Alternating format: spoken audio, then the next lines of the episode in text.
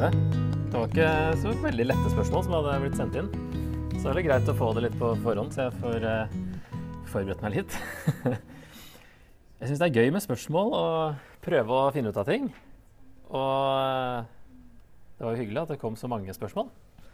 Og så er det jo å se om vi får tid til noen til slutt, da, om dere har noen uh, på sparket her. Ellers så tror jeg det kan fylles opp med, med det jeg har fått inn. Det er jo selvfølgelig ikke fasiten som kommer her. Det er mine eh, forslag. Og garanterer ikke at de er riktige, så dere får ta det for det det er. Og så Hvis dere har noen oppfølgingsspørsmål underveis, så kan vi jo prøve å, å svare på det òg. Hvis det er noe som trigger et eller annet eh, i det som vi er innom her, da. Ok, Så da kan vi jo begynne, så får vi se um, hvordan det ligger an etter en times tid. Eh, første spørsmål var om Guds timing. Hvorfor ble Jesus sendt til jorden akkurat på dette tidspunktet i historien? Hvorfor kunne det ikke skjedd tidligere? Var det kun en respons på at folket hadde kommet bort fra Gud, eller var det andre viktige faktorer for at Jesus kom til jorden på akkurat dette tidspunktet? Eh, var det kun en respons på at folk hadde kommet bort fra Gud, så tror jeg heller at eh, de måtte ha Altså, det var heller fordi det hadde kommet nærmere at Jesus kom. Eh, hvis du ser på hele historien i, i, Bibelen, hadde Jesus kommet i kongetiden, så var folket såpass på tur at de eh, Altså borte fra Gud, som regel, at de eh, Hvem vet hva som ville skjedd da? Um, og så ble jo tempelet ødelagt fordi folk hadde kommet så bort fra Gud. Så måtte det bygges opp igjen etter eksilet på 500-tallet før Jesus da kunne komme. Og Det er jo det, egentlig det de profetene Haggai og Zakaria som, som, oppmuntrer folket til å bygge opp igjen tempelet. De sier det med Messias som begrunnelse. Bygge opp igjen tempelet sånn at Messias kan komme. Så tempelet måtte være oppbygd for det måtte være en eh, klar kontinuitet egentlig fra Gamle til Nytestamentet. Eh, for Jesus er oppfyllelsen av den gamle pakt, det gamle testamentet. Eh, og så var eksilet også en renses, renselse av folket. Så de oppfører seg jo litt bedre etter eksilet. Og var kanskje klarere for å ta imot Jesus da enn før. Så det er noe av det, tror jeg. At folket Det gikk liksom bare nedover og nedover. og nedover. Egentlig helt siden de kom inn i landet, så begynner det å gå nedover. I dommernes bok går det jo veldig dårlig. Eh, nedadgående spiral. verre og verre. Um, og kongetiden går litt sånn uh, opp og ned. Det spørs på kongen om han er god eller ikke. Men det er veldig mange onde konger, eller konger som da ikke uh, følger loven og holder seg nær til Gud. Uh, så sånn sett så måtte eksilet komme for å liksom ja, rense det, rense folket. Sånn at de var nærmere Gud. Så jeg tror egentlig det er litt motsatt. At Jesus kunne ikke komme hvis de var altfor langt unna Gud. selvfølgelig kunne det ha skjedd tidligere. Gud kunne ha gjort hva som helst. Men jeg tror det var også ganske strategisk at det skjedde da det skjedde. Eh, av noen praktiske årsaker. At f.eks. Eh, da var vi kommet til Romerriket. Eh, og det var jo denne Pax Romana som Augustus eh, ja, si, innførte. Altså det, det var en, en, fredsperiode i Romerriket. Det var ingen grenser. Eh, det var gode veier. Alle veier fører til Rom kommer jo av det. At de lagde masse veier eh, til og fra Roma. Og, og så snakka alle gresk etter det forrige verdensriket, som var det greske riket. da. Så det, veldig, det, lå veldig til rette for eh, en rask spredning når Jesus kom akkurat på det tidspunktet, altså for apostlene da, etterpå. Og også geografisk så lå jo Israel veldig strategisk til med Europa, Asia, Afrika og litt liksom i, i eh, krysningen av eh, handelsruter og litt forskjellig. Selv om det var i utkanten av Romerriket. Så eh, det tror jeg egentlig er veldig smart at det skjedde akkurat da det skjedde. Og så er det jo en finurlig parallell òg med eh, Moses, som var eh, Altså slaveriet, da, i, eller de var i Egypt i 400 år ca. før Moses kom. Og så I Matteusevangeliet så lager Matteus en parallell mellom Jesus og Moses. Um, og da har vi faktisk en sånn 400-årperiode der òg, mellom GT og, eller der GT slutter. Så kaller vi det de 400 stille år, fordi Gud ikke sendte noen profeter. og så kom Jesus. Så får en sånn, to sånne 400-årsperioder også. Så det kan hende at det var eh, planlagt for lenge siden. At eh, det skulle være en sånn parallell der. Så det var vel mitt beste svar på akkurat Guds timing. Ellers så har ikke jeg så veldig innsikt i Guds timing. Det tror jeg vi kanskje sliter med alle. Å være enig i hans timing eh, innimellom. Han har ganske god tid, da, virker det som. Ok, Hva menes egentlig med Matteus 26, 11? De fattige har dere alltid hos dere, men meg har dere ikke alltid. Jeg har ikke sjekka om det stemmer, det bibelverset. Det, men det, det, var et annet et som ikke stemte. men poenget er vel òg det Altså, det fattige har dere alltid hos dere, men meg har dere ikke alltid. Uh, jeg tenker jo det er Jesus i sin uh, inkarnerte form. Han var jo ikke der for alltid. Han ville jo være med dem etterpå, men som fysisk menneske på jorda så, uh, så var han ikke der for alltid. Og det peker framover at måtte han skal dø og tas bort fra dem. Uh, det her er jo i konteksten av hun dama som kommer og heller masse kostbar salve over hodet hans. Og eh, så reagerer disiplene og sier at det kunne vært solgt for masse penger og gitt til de fattige. så Derfor sier Jesus det han sier da.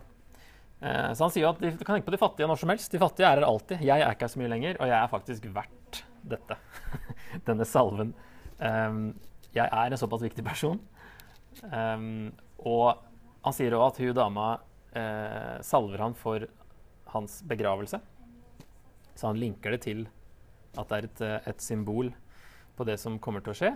Og så sier han faktisk at, det hun, uh, at dette her skal bli forkynt sammen med overalt hvor evangeliet blir forkynt så skal denne historien bli forkynt. Så det var faktisk ganske viktig, det her hun dama gjorde. Så Jesus sier at det her skal folk få høre om. um, overalt i verden hvor dette evangeliet blir forkynt, skal også det hun gjorde, fortelles til minne om henne. Så, men de fattige de, de, var der etterpå også, så da kunne de når som helst hjelpe dem. Jeg vet ikke om det, om det var svar på hva menes egentlig med Mathias 26. Kanskje det var et, enda et dypere lag som var tenkt. Men uh, det er vel det jeg har tenkt om det. Og så kommer det noe som eh, er veldig interessant. da. Hvem er egentlig disse hellige som ble reist opp fra de døde i Matteus 27? Og der er det vers 51 eh, til 53. Når uh, Jesus ropte igjen med høy røst og oppga ånden, står det i vers 50, der han, han dør. Da revnet forhenget i tempelet i to, fra øverst til nederst. Jorden skalv, og klippene slo sprekker. Gravene åpnet seg, og kroppene til mange hellige som var sovnet inn, ble reist opp. Etter Jesu oppstandelse gikk de ut av gravene og kom inn i den hellige byen, hvor de viste seg for mange. Uh, så det er litt spesielt. Og så er det bare Matteus som, som, har det med.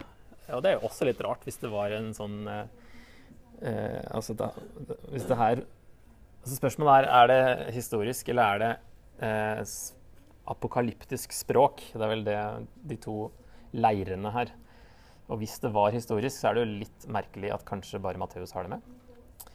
Men eh, spørsmålet er altså hvem er disse hellige? Det må jo være, altså, For å svare på det, da, så er jo det, det folk som, had, som er døde, men som har dødd i troen. Som var blant de hellige, altså trodde på Gud. Um, ikke sikkert. Altså, kanskje det var gammeltestamentlige personer også. Eh, folk som i hvert fall var eh, ja, hellige fordi de, de trodde. Eh, I så fall så kan det her være et poeng for å vise at Jesu død og oppstandelse også hadde betydning for de som hadde dødd før Jesus kom. De som hadde trodd på Gud før Jesus kom, ble nå, noen av de i hvert fall, ble vekka til live Um, det kan være poenget til Matteus med å ha det med her. Spørsmålet er da Eller egentlig er spørsmålet hvem er disse hellige, så egentlig har vi svart på det. Men jeg tenkte å ta litt mer om, eh, hva dette her eh, om Altså historisk eh, kontra apokalyptisk. Det er ganske mange som mener at det er ikke er historisk, av eh, si, kjente, gode folk. F.eks. William Lane Craig. Uh, en som heter RT France. Uh, ben Witherington er kanskje ikke så kjente, men Craig har du kanskje hørt om. Som mener at uh, akkurat her så slår Matteus over i et sånt apokalyptisk språk, og så tilbake igjen til historisk. da. Et poeng de mener at det her kanskje ikke er historisk, er eh, fordi de står opp fra døden før Jesus. Eller det høres litt sånn ut. Selv om de ikke kommer inn i byen før etter Jesus har stått opp, så står de opp før Jesus. Eh, mens Jesus skal liksom være førstegrøden på de som står opp fra de døde. Eh, og så er det spørsmålet altså, Det stå, høres ut som de blir reist, eh, eller de blir vekka til live. Men så etter Jesu oppstandelse så gikk de ut av gravene. Satt de da inne i gravene levende i to-tre dager før de gikk ut? Eller kan oversettes på en annen måte? Det er litt sånn forskjellig eh, i forskjellige bibler, tror jeg. Eller hvor punktum og komma kommer og litt sånt. Og så er det av og til sånne finner litt sånne, Han som jeg hadde seminar om forrige gang, han Michael Lacona, han mener at eh, du finner litt sånn lignende ordbruk i andre skrifter også. Um, selv om han ikke har overbevist veldig mange på det, da. At, uh, at det er sånne spesialeffekter, nesten, som ikke trenger å tas bokstavelig. Eh, konteksten er jo veldig historisk, så det er jo litt sånn uventa om man plutselig skulle bytte over til apokalyptisk språk uten at vi liksom er klar over det. Um, og det virker som at han beskriver det som at det faktisk skjedde. Og spesielt det at han sier at de viste seg for mange. Det er jo veldig dumt å ha med den siste der hvis det ikke skjedde. Hvis det var eh, plutselig noe sånn uh, billedspråk og apokalyptisk språk. Så jeg heller jo mot at det her skjedde. Det er rart at bare Matteus eh, nevner det. men at det er Det peker fram mot si, den oppstandelsen som vi alle skal få del i. Selv om det sies jo ikke her om de her døde igjen senere, sånn som Lasarus, eller om de faktisk fikk de nye himmelske kroppene på dette tidspunktet, og så ble tatt opp til himmelen senere. Det står ikke. Så det er, uh, det er veldig lite detaljer i et sånn veldig overraskende, et overraskende avsnitt plutselig her, da. Så det Ja, jeg tror den viste seg for mange. Den syns jeg er liksom Grunnen til at han har det med her, er nesten at de her er vitner på Eller spør dem, liksom. De var døde. Så um, det var der jeg landa på den. OK. I første Mosebok 1 står det først om at Gud skapte lyset, men det var ikke før den fjerde dagen han skapte lys på himmelhvelvingen. Hva er egentlig forskjellen på disse lysene?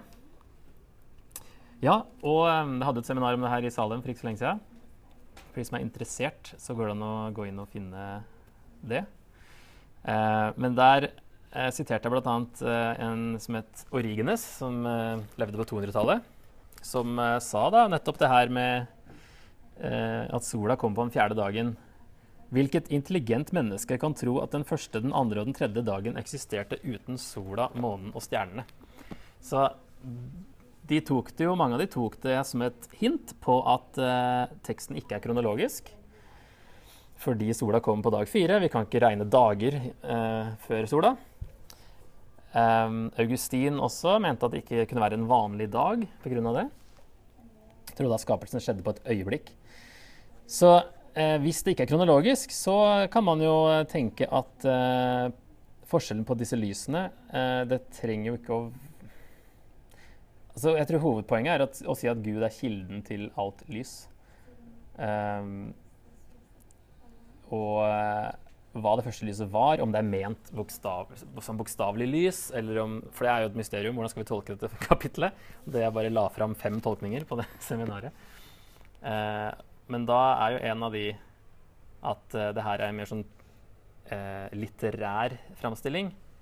Som har veldig lite med vitenskap å gjøre, og veldig lite med kronologi å gjøre, egentlig. Men at du får to kolonner. Det er dag 1, 2 og 3 Nå er det speilvendt for dere. 1, 2 og tre eh, korresponderer med dag 4, 5 og 6. Så da har du lyset på dag 1, så har du sola på dag 4 og månen og stjernene. vel? Sånn at du har eh, si, eh, det som skal fylle Det korresponderer med Han skaper land, land og hav, og så skaper han landdyr og sånt som skal fylle det han skapte på dag to. Så det, altså det korresponderer dag, de dagene hvis vi setter opp to kolonner. Så forskjellen på det lyset er jo da at det er jo tydeligvis ikke sola, i hvert fall på dag én. Uh, men det er lys generelt. Og så er det da Hva betyr det? Det er mange forskjellige meninger. Ja, Hvis det er mer spørsmål om det, så får vi prøve å ta det etterpå. Det er ikke alt det her som er lett, uh, syns jeg heller. da. Uh, ordspråkene 1412 sier en vei som synes å være den rette, kan likevel ende i døden. Hvordan kan vi vite om vi er på rett vei her i livet? Da tror jeg ikke det betyr at uh, Gud er litt sånn, sånn luring, som uh, du tror du har vært kristen hele livet, og så plutselig så var du ikke det. Altså, det, det skjer jo selvfølgelig at folk tror det, men uh, det er ikke Gud som har lurt deg. Så jeg tror at vi må basere da dette på resten av Bibelen. Hvordan vi kan vite det. Og i nærkonteksten, da, i ordspråkene 1, så er jo det å frykte Herren for eksempel, er en grunnleggende ting som nevnes. Og i Salme 1 så står det f.eks. at salig er den som ikke følger lovløses råd, ikke går på synderes vei, ikke sitter i spotteres sete, men har sin glede i Herrens lov.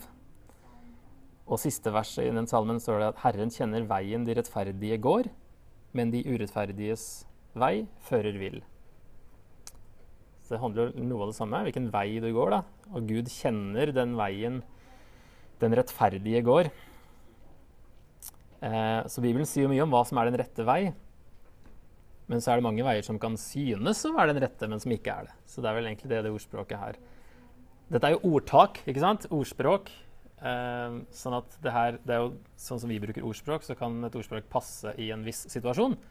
Ikke sant? Så det er sånn man kunne si hvis en eller annen eh, plutselig um, Ja, en som så til å være på rett vei, som plutselig ikke var det. Så ville det ordspråket her passe. da, At uh, sånn skjer. Uten at det er en sånn sannhet som vi bør bli litt skjelvne av. Jeg tror ikke det er poenget med det verset, men at av og til så er det sånn. Vi tror vi er på rett vei, og så er vi ikke det likevel. Men Gud vil jo ikke lure noen. I hvert fall. Så hele Bibelen tror jeg kan da hjelpe til med å finne ut hvilken, uh, om vi er på rett vei. Så er det interessant da, med Bibelvers tas ofte ut av kontekst. Ja, det stemmer. Hva tenker du er greit og ikke greit i forbindelse med dette?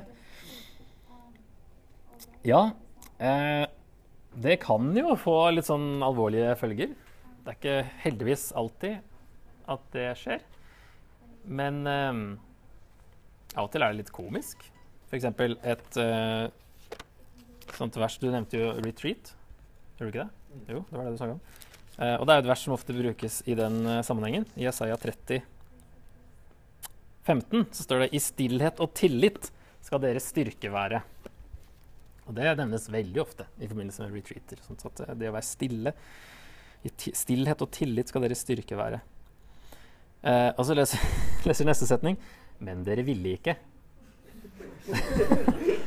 og så leser du neste. Dere sa nei, vi rømmer til hest.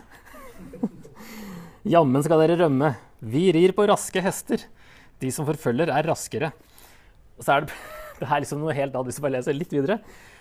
Og eh, i Jesaja så er jo eh, et hovedpoeng er jo at eh, eh de, skal, de må stole på Gud og ikke stole på politiske allianser. De lurer på skal vi alliere oss med asyrerne eller egypterne. Hvem er lurest å alliere seg mot? Og så sier Jesaja blås i det. Det egentlige problemet er synden deres, og dere må stole på Gud. Det er han dere må alliere dere med. Så i, i politisk stillhet og tillit til Gud skal deres styrke være. Eh, så det er veldig sånn morsomt, syns jeg, da, at det blir tatt til å gjelde liksom all form for stillhet. Og det kan godt være mye styrke osv. i det, men eh, det er ikke det Jesaja har ment. Det tror jeg. Eh, så det er litt, sånn, litt mer sånn gøy. Men så er det av og til uh, det blir verre med i Malaki 3, f.eks. Der det står at uh, hvis du Gud sier at de Kan et menneske stjele fra Gud? Dere stjeler fra meg, men sier, hva er det vi har stjålet fra deg? Tienden og offergaven. Under forbannelse er dere, dere stjeler fra meg hele folket. Dette med Og hvis vi ikke gir tiende, så stjeler vi fra Gud, og vi kommer under en forbannelse. Det har jo mange ganger blitt brukt for å manipulere folk til å gi penger. Enten ved å si at ved å gi så bryter du forbannelsen over livet ditt. Eller hvis du ikke gir, så kommer du inn under forbannelse. Konteksten det står i, er jo den gamle pakt, der eh, tienden var en del av loven. Og uansett hvilken lov det brøt, så kom det under en form for forbannelse. Det er ikke sånn voodoo vi snakker om, men en ulykke, egentlig. Som Gud har ramsa opp ting som skal skje. Eh, tegn på at de har brutt pakten og er på vei bort fra Gud. Dårlige avlinger, eh, villdyr som angriper, fiender som angriper. sånne ting. Det er en ulykke som kalles forbannelse. Um, så det er jo konteksten de er under forbannelse fordi de ikke gir tiende, og sikkert mange andre ting som nevnes her i Malaki også, som de ikke gjør som de burde gjøre, og som de gjør som de ikke burde gjøre. Um, sånn at når det brukes i dag for å få folk til å gi penger, så, så blir det feil. altså, Jesus har tatt den forbannelsen, og vi er ikke under den gamle pakt heller. Tienden er Det nevnes jo ikke eh, noe særlig. Jesus nevner det, nevner det et par ganger når han snakker om fariseerne, hva de gjør. og sånne ting. Det er en god ting selvfølgelig å gi tiende, men Paulus nevner det ikke når han skal samle inn penger for eksempel, til eh, menigheten i, i, Jerusalem og Judea som, er i, uh, som det er sult, da, og de trenger penger. Han bruker mange år på den innsamlinga. Skriver til korinterne at uh, legg til side så mye dere kan avse hver uke, så kommer jeg og samler inn når jeg kommer. Han sier ikke liksom, legg til side 10% minst men uh, så mye dere kan avse. Så det, det relativiseres litt i Nyttestamentet. Selv om tienden er et godt utgangspunkt. I begynnelsen så hadde de jo alt felles. De, de, ga mye mer i Jerusalem. Um, men, uh, og det er veldig greit å, å, gi tiende. Bra prinsipp, absolutt. Men det har ingenting med forbannelse å gjøre. Så der blir det alvorlig eh, i Malaki. På den annen side så hadde jeg noe jeg følte var min kallsopplevelse var fra et vers som var litt ute av kontekst. Eh, eller jeg, jeg misforsto litt, faktisk. Men i andre Timoteus um, 2, 15 um, Vær en arbeider som ikke har noe å skamme seg over, men som legger fram sannhetens ord på rett måte Jeg trenger ikke å fortelle den opplevelsen, men det var det verset her som plutselig bare kom inn i, uh, i hodet. Og da tenkte jeg liksom sannhetens ord, tenkte jeg, og Bibelen. Og det er jo det jeg syns er morsomt å holde på med. Så oppdaga jeg jo senere at uh, i konteksten, så, eller sannhetens ord, det er jo egentlig evangeliet i Bibelen. Bibelen har jo ikke skrevet når Paulus skrev det her. ikke sant? Uh, så egentlig så er det jo evangeliet som er ment her. Og det er jo ikke bærtur likevel. ikke sant? det jeg gjør, selv om jeg har lyst til å legge fram hele Bibelen, så har det jo selvfølgelig med evangeliet å gjøre. Uh, så jeg, altså jeg, tenker jo Gud kan jo ta sitt eget ord ut av kontekst mye han vil. Det er jo hans kontekst. um, men vi må være grundige når vi skal tale til andre da, med bibelvers. Og det å bygge en teologi på ett vers for eksempel, er jo uansett veldig uforsvarlig. Um, så der bør man kanskje gjøre mer grundig arbeid, da. Så jeg tenker jo det er greit å ta et vers som kanskje har en eh, begrensa betydning i konteksten i Bibelen, og at vi ofte gir det en videre betydning. Hvis det kan støttes som, av Bibelen som helhet, så er det jo ikke noe skade skjedd. Um, selv om det da røskes litt løs fra hvordan forfatteren mente det egentlig. Så det syns jeg er greit. Og det jeg ikke syns er greit, er når det brukes til å manipulere. Og uh, f.eks. en tale som bygger på ett eller to vers, og som ender opp Et nytt skrekkeksempel. Uh, det var en som holdt en tale om uh,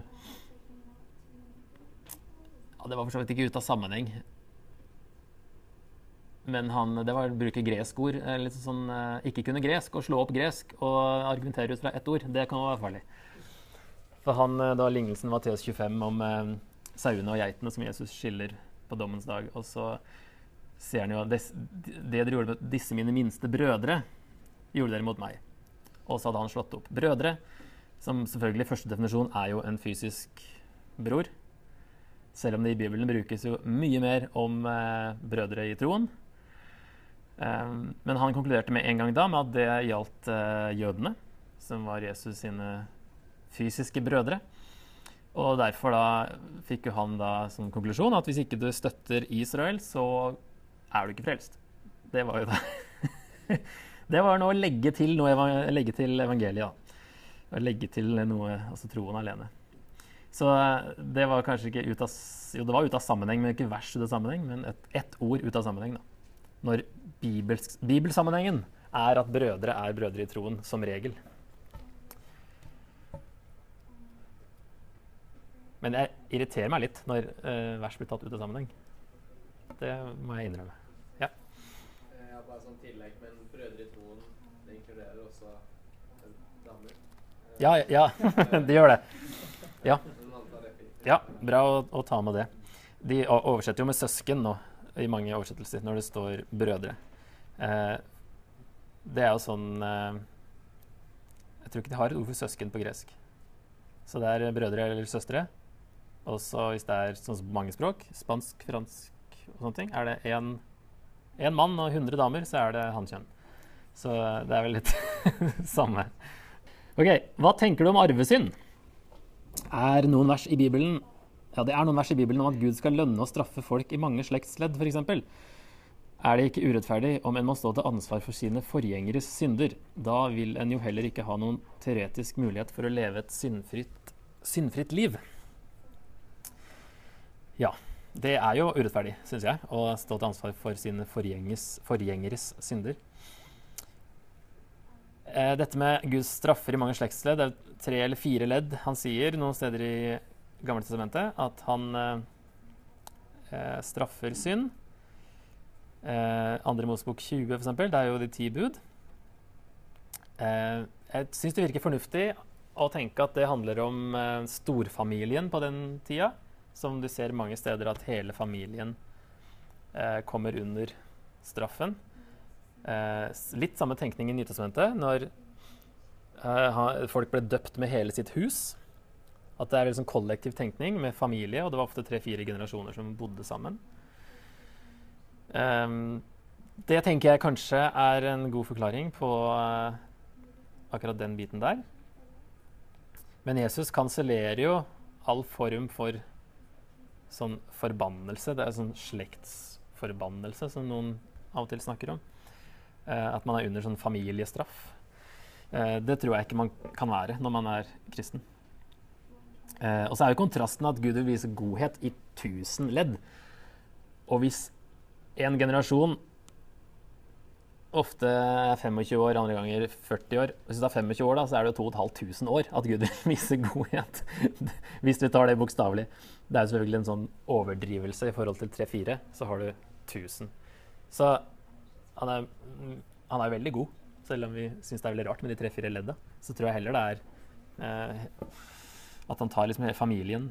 Selv om det jeg har sagt før òg, det betyr jo ikke Når folk dør i Gammeltestamentet, så betyr jo ikke det at man automatisk gikk fortapt. Eh, er, Gud er jo større enn det. Og når det gjelder arvesynd, så er jo det Romerne 5 det kommer fra. Og det er jo en del av uh, de lutherske bekjennelsesskrifter osv. Uh, som både Frikirka og Salem og eller Nordmisjon og veldig mange norske menigheter og misjonsorganisasjoner eh, baserer seg på. Men i det kapittelet så snakker Paulus egentlig litt mer om arvedød enn arvesynd. Eh, alle dør pga. synden, men han sier jo i hvert fall ikke hvordan synden går videre til neste ledd. Og det er jo, en sånn, det er jo vestkirkelig teologi, da. Altså romer, romersk-katolsk eh, osv. etter det. Eh, mens Østkirka, den eh, ortodokse, eh, har ikke samme arvesynslære. Det var Augustin som liksom utforma den her ordentlig. da.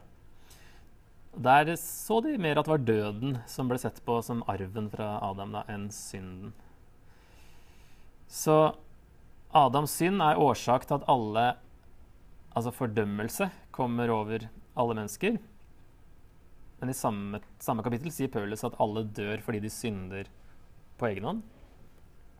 Så det er litt sånn både og i kapittelet der. Så en syndig natur er jo um, et forslag, da, at vi har det. Og der, at det er arvesynden. Um, når Paulus sier ett menneskes fall ble til fordømmelse for alle mennesker, så må man da lese det verset som at ett menneskes fall førte til en syndig menneskenatur som gjør at alle mennesker synder, og ble til fordømmelse for alle mennesker. Så vi må kanskje lese noen ting inn i det verset. Um, og så kommer det nok interessant nok, da, Augustin, som sagt, som, uh, som utforma det. Han brukte den latinske oversettelsen. Uh, vulgata. Som kanskje var oversatt litt for bokstavelig i, akkurat der. Når dere skal se hva det står i denne her, da um, Romerne 5.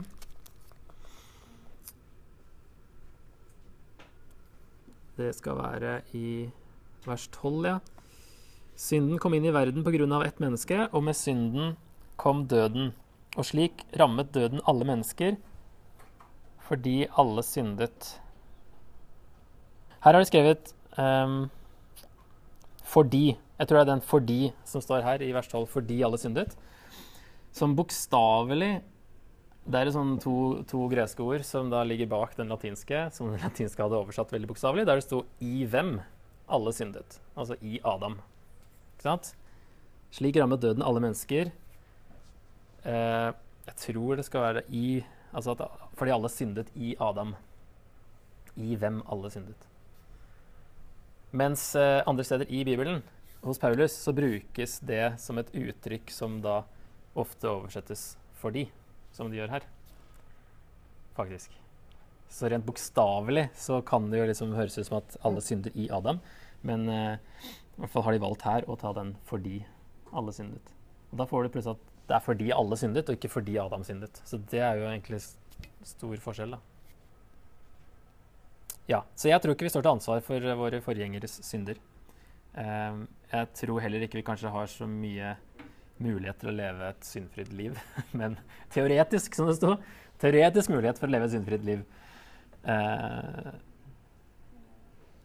det har vi jo. Og, så jeg tror ikke vi da er under noe sånn som henger over oss fra tidligere generasjoner.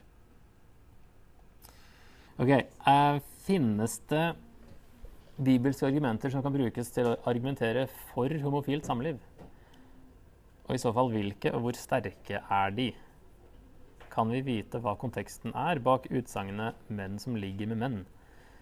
Det blir ofte nevnt i en remse av andre ting, men sjelden, aldri, tatt opp som et eget tema.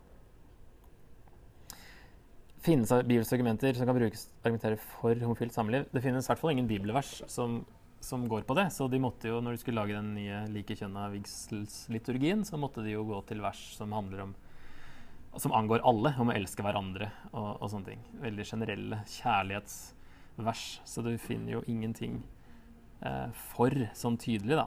Så det vanligste er å bruke 'størst av alt er kjærligheten' som egentlig ikke står i Bibelen. Det står 'størst blant dem er kjærligheten'. Og i konteksten så er det tro, håp og kjærlighet, som Paulus snakker om 1. Korinter 13. Størst blant tro, håp og kjærlighet er kjærligheten, fordi kjærligheten varer evig. Den varer inn i evigheten. Troen får oss dit, og det å komme dit er håpet i bibelsk kontekst. Og derfor er kjærligheten større enn de to, fordi den varer evig.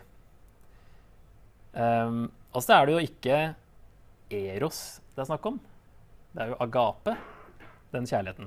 Ikke sant? Ubetinga kjærlighet. Guds kjærlighet. Eros nevnes jo ikke i Bibelen. Um, og så er jo menneske, menneskelig kjærlighet da, i Bibelen er faktisk ikke en følelse heller, eller, eh, eller, noe sånt. Det er en handling. Så det er mye som ikke stemmer med å bruke det utsagnet i konteksten nå handler det om nådegaver. Det at kjærligheten eh, er større enn nådegavene. Man skal bruke nådegavene i kjærlighet osv. Og så må man sette det lille verset av Paulus opp mot alt det andre Paulus sier om eh, homofilt eh, praksis og samliv. Så det er jo ikke god eksegese, som det heter. Eh, bibeltolkning. En annen løsning er å tolke alt i lys av eh, noe som defineres som Jesu selvoppofrende kjærlighet. Det var i hvert fall en som uh, skrev om det. Um, Han skrev at alle tanker, holdninger og gjerninger som ikke har som formål å virkeliggjøre selvutgivende kjærlighet i våre relasjoner, er det vi med rette kaller synd. Vi trenger nå å spørre oss selv om det er noe med homofile, livslange, trofaste og monogame samliv som ikke kan utvise selvutgivende kjærlighet. Hvis det ikke er noe med de homofile samliv som skader forvaltningen av jorden eller hindrer at Guds rike blir synlig på jorden, men på lik linje med heterofile ekteskap kan virkeliggjøre Guds kjærlighet, ja, da sier det seg selv at jeg heller ikke kan kalle homofile samliv for synd. Og så går han da videre med å For det står ganske mange andre konkrete bud og retningslinjer i Bibelen da, som han da må tolke eh, på en litt annen måte. Ha en helt sånn grunnleggende annerledes tilnærming egentlig til, eh, til Bibelen og til de retningslinjene som gis. Så kan det jo gans ganske subjektivt etter hvert. Så det er eh, et argument eh, for um, Når det gjelder dette uttrykket 'menn som ligger med menn', så nevnes det fire ganger. Det er jo ett ord, egentlig.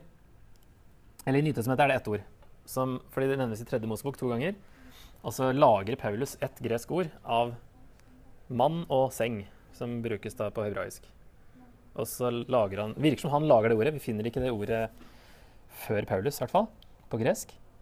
Eh, så det er tydelig at han henter det fra tredje Mosebok når han nevner det i første Korinterbrev og første Timoteus. Og det, det, spørsmålet var jo Det nevnes alltid ofte nevnt som en remse av andre ting.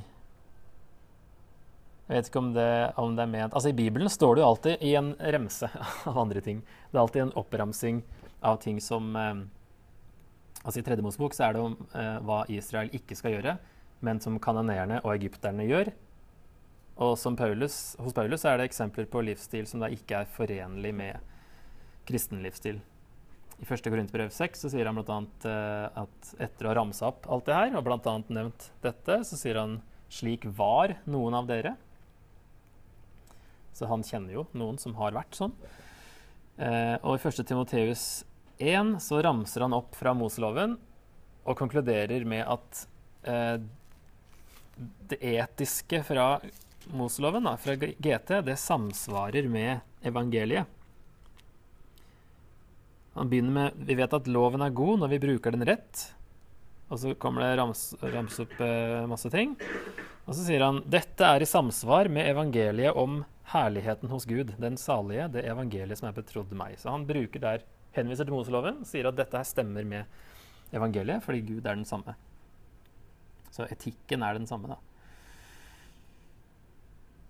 Eh, noen argumenterer da med at i Tredje Mosebok så står dette i en sånn såkalt kultisk kontekst. At det handler om eh, avgudsdyrkelse, at det var et eh, rituale.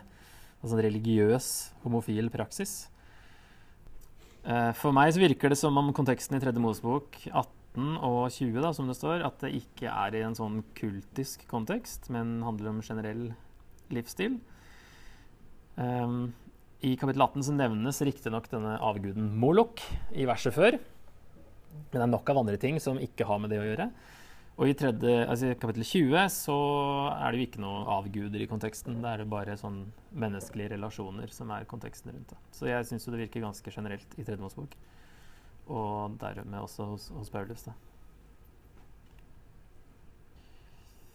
Hva vil konkret si å underordne seg mannen? Efeserne 5, 23-25. Selv om mannen skal elske kvinnen, hvorfor og hvordan skal kvinnen underordne seg? Hvorfor og hvordan? Ja, hvorfor er lettere å svare på enn eh, hvordan. For det er litt uh, problemet. Fordi Paulus er ikke konkret med å si hvordan. Fordi For han var det kanskje innlysende hvordan i den kulturen og samfunnet der. Eh, med patriarkalsk oppbygning osv. Der mannen var husets herre og kunne gjøre som han ville så er jo Paulus egentlig veldig radikal når han sier det han sier til mannen, at han skal eh, være villig til å dø for kona si. Og elske kona sånn som Jesus elska menigheten, og, og, døde for den. Det var å gå helt imot den tids eh, idealer. Så det er jo der vi sliter litt med hva, hvordan ser det ut i dag. Eh, hvordan når Paulus da ikke går mer inn på det. Han sier bare at kvinnene, eller konene, det er jo også samme ord på gresk, fordi det fantes sjelden kvinner som ikke var koner, eh, så skal man vise, skal vise respekt for sin mann. Og det er jo ekteskapet som er konteksten da, i Feserne 5, i hvert fall. Ikke sånn generelt alle kvinner skal underordne seg menn overalt, men det er i ekteskapet. Og hvorfor? Det er jo fordi han sier i, i de versene her at uh, ekteskapet er et bilde på Kristus og menigheten. Den relasjonen Kristus og menigheten. Mannen får Kristusrollen, og kona får menighetsrollen. Sånn at menigheten er Kristi brud, og ekteskapet skal være et bilde på det. Og Det er jo for så vidt et argument mot likekjønna ekteskap. Da. Egentlig et ganske alvorlig argument som forvrenger hele det bildet. Hvis det ikke er mann og kvinne, som er i hvert fall det Paulus argumenterer teologisk for grunnen her. Da. Det er det ekteskapet er ment å være. Eh, så det er hvorfor at det er et bilde på Kristus og menigheten. Spørsmålet er hvordan ser det ut i dag i vår, vår eh, situasjon. Og så er det dette med hodet. At eh, mannen er kvinnens hode. Så må man jo se på det, hva det betyr. Fordi eh, det er også vanskelig å vite. Um, vi tenker at det betyr uh, sjef, autoritet, men uh, det gjør det nok ikke i hvordan det brukes, det ordet. Det er jo bare det fysiske, altså det fysiske hodet. Det er det ordet han bruker. Um, og uansett, da, så er jo modellen Jesus gir oss, er jo tjenende lederskap. Så uansett om vi er en leder, så tjener vi. Det er jo ingen sånn autoritær, en sjefete, bossete eh, ektemann det er snakk om her som da har en absolutt mye vanskeligere oppgave enn en konene, som skal bare vise respekt. Mens mennene skal ta Kristus-rollen, liksom. Så det kan sikkert se annerledes ut i forskjellig, se forskjellig ut i forskjellige ekteskap i dag. Uh, og egentlig så er det jo mange, um, mange flere bud i den norske oversettelsen enn i den greske i den teksten her. Eh, egentlig På gresk så skriver Paulus at alt, alt, dette her er følger av å bli fylt av Ånden.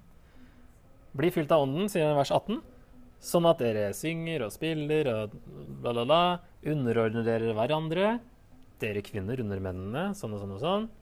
Dere menn, elsk konene deres. Sånn at alle skal underordne seg hverandre, sier han først. Og det er en følge av å være fylt av Ånden. Og det viser seg da kanskje i at kvinnene underordner seg mennene sine, og at mennene skal elske konene sine.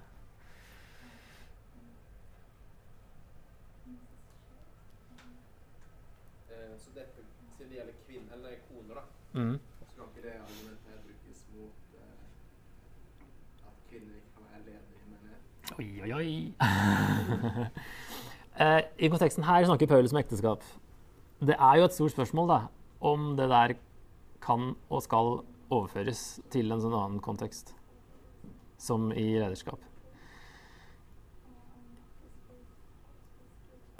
Og det, det er det som blir litt vanskelig. Paulus kunne sikkert ikke sett for seg Det var veldig, veldig, veldig, veldig uvanlig da, å ha f.eks. kvinnelige eldste i jødedommen, som det er jo der de henter det systemet fra. Når Paulus utnevner eldste og, og, og tilsynsmenn, så tenker han kanskje ikke at så mange kvinner ville være naturlig valg for det. Um, han sier om de eldste at de skal være én kvinnes mann. Men han sier også det om diakonene. Og så finnes det plutselig kvinnelige diakoner. Så det er liksom plutselig et smutthull der. I utgangspunktet så er det jo ekteskapet Paulus snakker om, men det er kanskje da spørsmålet kan det overføres, og skal det det, til menigheten generelt. Ja, den her blir litt filosofiske, kanskje. Hvis Gud har satt noen moralske standarder, eksempel ikke drepe, hvordan kan han selv bryte disse standardene når han er definisjonen på kjærlighet? Uh, ja, Gud er kjærlighet, står det jo i 1. Johannes 4. Det står også i 1. Johannes 1 at Gud er lys. Og uh, i ham finnes det ikke noe mørke. Og der brukes jo lys som et bilde på hellighet, bl.a. det er jo like viktig at Gud er lys, Gud er hellig, Gud er rettferdig, som at Gud er kjærlighet.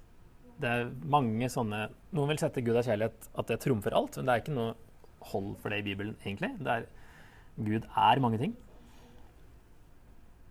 Um, han er også skaper, så han, det er ikke noe moralsk galt om han tar liv når han er den som styrer akkurat det der med liv. Uh, I Mosloven fantes det òg mange unntak fra budet om å ikke å drepe. Uh, det er på en måte overskriftene, De ti bud er overskrifter på loven som følger.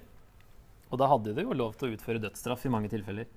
For å da spesielt beskytte seg mot det onde. Det er jo argumentet som gis at ikke ondskapen skal få spre seg, så må det stoppes. Og da var det måten å gjøre det på der, der og da.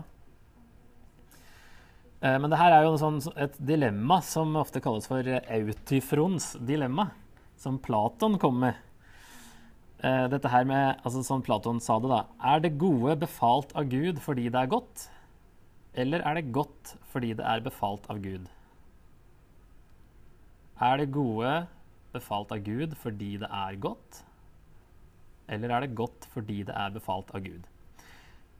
Så enten, da, hvis det, er, hvis det gode er befalt av Gud fordi det er godt, så står jo da det gode på en måte står over Gud.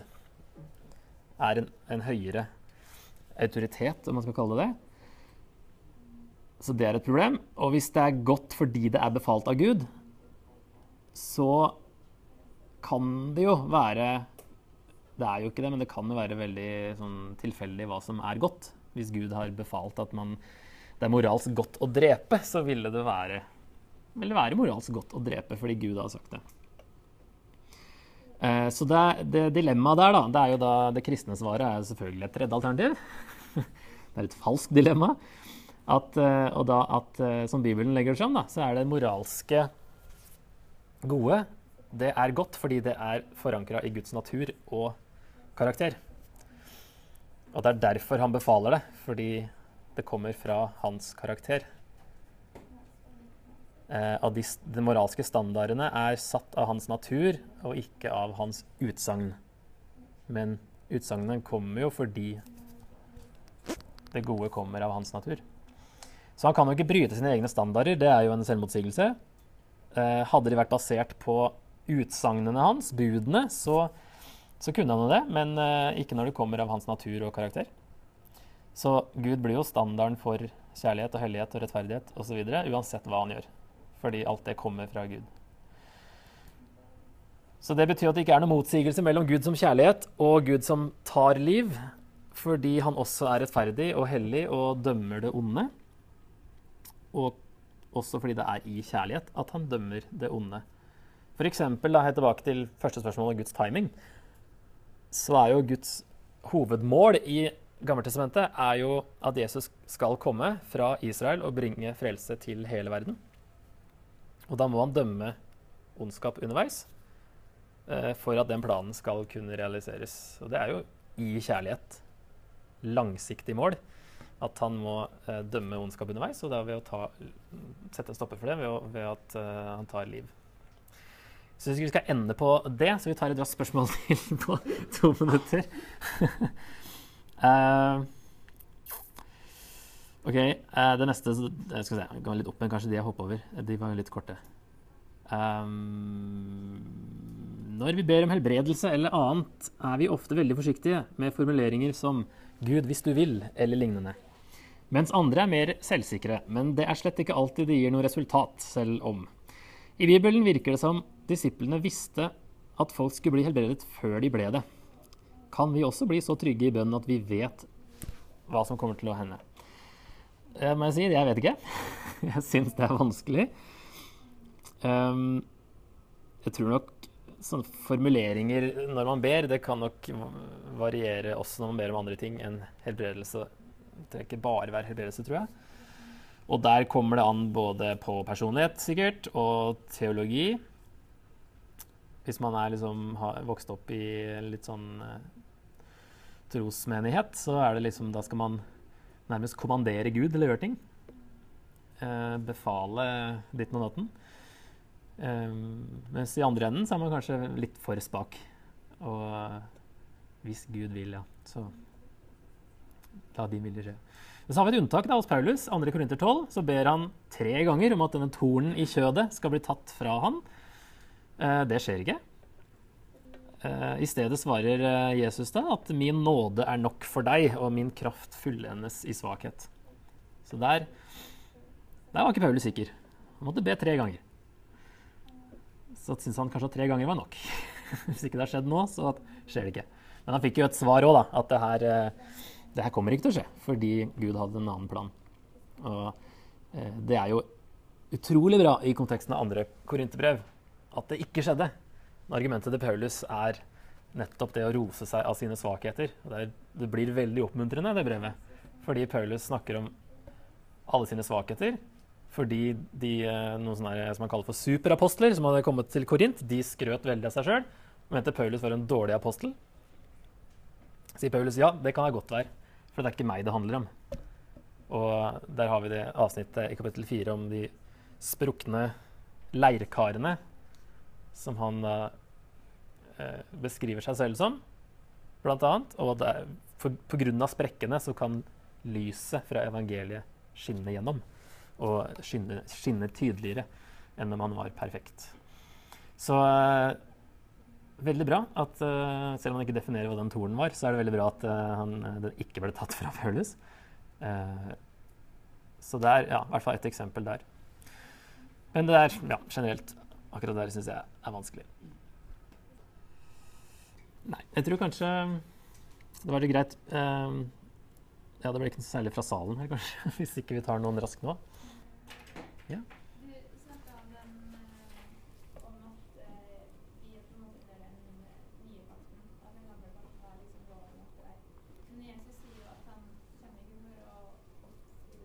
Ja.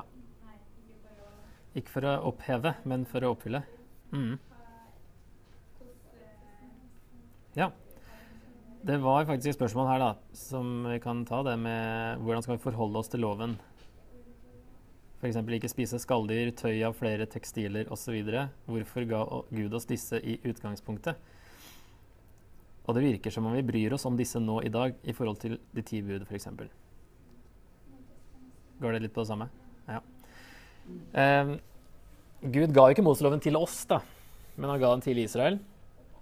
Og i Galaterne 3 sier Paulus at den var tidsbestemt, og at den skulle gjelde fram til Jesus kom. Og at den kom som et tillegg for at de skulle vite hva de skulle gjøre med synden. Vite hva som var synd, og vite hvordan de skulle gjøre opp eh, og gjenopprette forholdet med Gud når de hadde synda. Og så sier han at den, det tillegget, når loven kom, det, det annullerte jo ikke det tidligere løftet som Gud hadde gitt til Abraham 430 år tidligere, om at eh, Abraham ble rettferdiggjort ved tro. Så er jo hele veien Man blir frelst ved tro selv om de hadde loven. Eh, selv om vi kanskje får inntrykk av at de måtte holde loven for å bli frelst, så var det Gud så hele tida til hjertene, og det handla om tro. Men at loven eh, var til hjelp for dem, faktisk. Gud, uh, Paulus sier at loven er god og at det er et uh, uttrykk for Guds vilje, sier han i Romerne. Um, ja, og de ti bud er jo egentlig Gammeltestamentet. Selv om vi bruker de mye. Uh, de gjentas, noen av de, eller de fleste av de gjentas i Nytestamentet.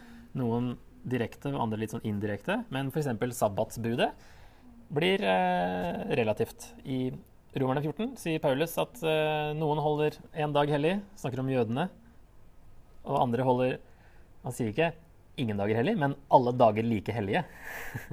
sånn at eh, det var ikke sånn at man, Der var det jo jødene holdt seg til sabbaten. Og han sier jo at det trenger ikke alle å gjøre. Det kan jødene gjøre hvis de vil. Det har ikke noe å si.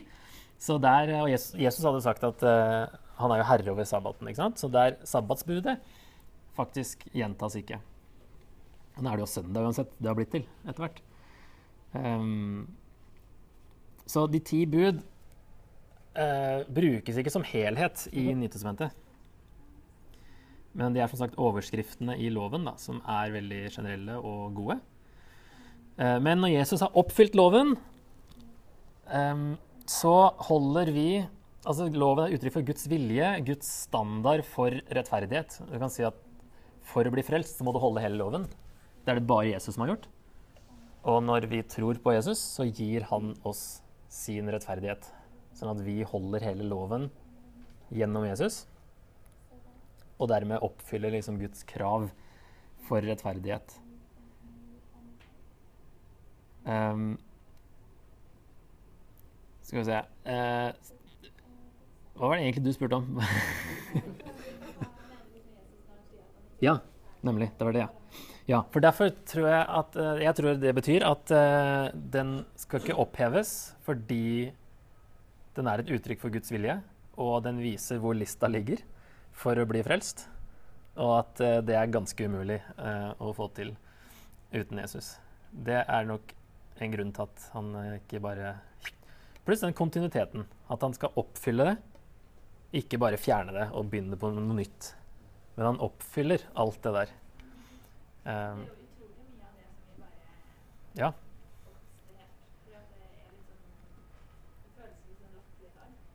Ja. Og det er jo fordi det, altså, du, sånn, Selv om ikke den inndelingen fins i Bibelen, så er det vanlig å tenke du har ofringene, de offerlovene, og de eh, sivile lovene, som gikk på hvordan, skulle, hvordan, Israel skulle styre samfunnet sitt den gangen. Og så har du um, de moralske lovene, som er de mest generelle. da. Så vanlig å tenke at Jesus har oppfylt alle ofringene, så de er vi ferdig med. Det vil være å gå baklengs på Guds plan hvis vi begynner å ofre igjen. Eh, og så eh, Sivile lover er jo ikke relevant for oss siden det gjaldt dem i ørkenen og i, i Israel. Eh, men prinsippene kan vi jo dra ut likevel. Det er veldig mye bra der, og det er Guds vilje i de lovene, men de gjelder ikke for oss på samme måte. Men de moralske lovene er kanskje lettere å se da, at uh, de er mer tidløse. Uh, selv om Paulus snakker om hele loven som en enhet. Det deler ikke opp sånn. Så det er litt vrient. Um, men at budene har gått for å være krav til å bli eksempler egentlig, på hvordan elske Gud og sin neste. Nå finner vi veldig mange eksempler i loven på hvordan vi elsker vår neste, og, og, og hvordan elsker Gud, selv om vi ikke lever i det samfunnet der vi, det var en lov å bygge gjerde på taket når du bygde et hus, for du bygde flatt tak. Så skulle du bygge gjerde så ikke folk datt ned og du fikk skylda. Veldig bra å ha en sånn lov, men det er ikke så relevant for oss. Selv om eh, det er lurt å gjøre det. men det er ikke noe sånt, eh, det har ikke noe å si for vår frelse, da. um,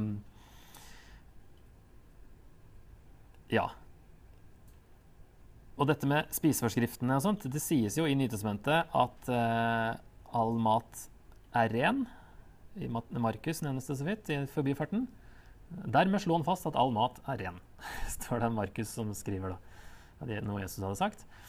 Og så ser vi jo i Apostlenes gjerninger òg, når Peter får denne visjonen om eh, duken med dyr, det er både rene og urene dyr, og Gud sier 'slakt og et', så er jo det et bilde på at eh, hedningene også skal anses som ikke urene, da, at de òg skal nås med evangeliet. Men det er veldig dumt å bruke det bildet hvis det ikke òg betyr at han kunne faktisk spise de urene dyrene også. Eh, så det betyr jo begge deler. Så de er oppheva, de spiseforskriftene, og jeg tror det er mange teorier på hvorfor de ble gitt. Men jeg tror det henger sammen med det med at de ikke skal bruke klær av to forskjellige slag tøy, f.eks. For eksempel, fordi eh, det hele tida skulle være en sånn De skulle hele tida tenke på å ikke blande ikke, ikke blande seg sjøl. At de skulle ikke blandes med folkene rundt. De skulle være annerledes. De, det er det hellig betyr. De skulle være adskilt fra folkene rundt, for de var Guds folk. De må ikke blande seg med de. Du skulle ikke ha to ulike dyr trekke plogen. Det er sikkert lurt uansett, men det er også den ikke bland dyr, ikke bland tøy, ikke bland mat. Um, det er vel en sånn tredelt inndeling. Men de, mat, uh, altså de rene dyrene er de som holder seg i enten bare i lufta, bare på jorda eller bare i, i vannet. Mens de dyra som er litt begge deler, de anses ofte som urene. Da. Så det er en teori på at de dyrene som blander sfære, eh, skal man holde seg unna. At det er den blandingstanken som, ligger, som er en del av det. Og så er det hygiene sikkert òg. Det er jo mye bra i, i, de lovene. Så de lå jo langt foran ikke bare spiseforskriftene, men de andre, de andre hygienelovene. da, Så lå de jo langt foran andre folkeslag. Selv om det ikke står hva en bakterie er, så visste jo Gud det og tok, lagde jo lover som, som la opp til at det skulle gå bedre med dem. Da. Så det, loven er jo god. Det er en gave. Vi tenker ofte det er en straff at de fikk loven, at de skulle se at det var uh, umulig. Men det er jo en god ting at Gud gir dem loven. Ja, OK. Uh, skal vi uh, Jeg må si, altså hvis dere Nå, nå har jeg henta en del fra ting som jeg har heldigvis jobba med litt før. Så hvis dere har lyst til å fordype dere i noe av det her, så har jeg en nettside som heter bibelnerden.no. Der det ligger mye rart fra mange år bakover.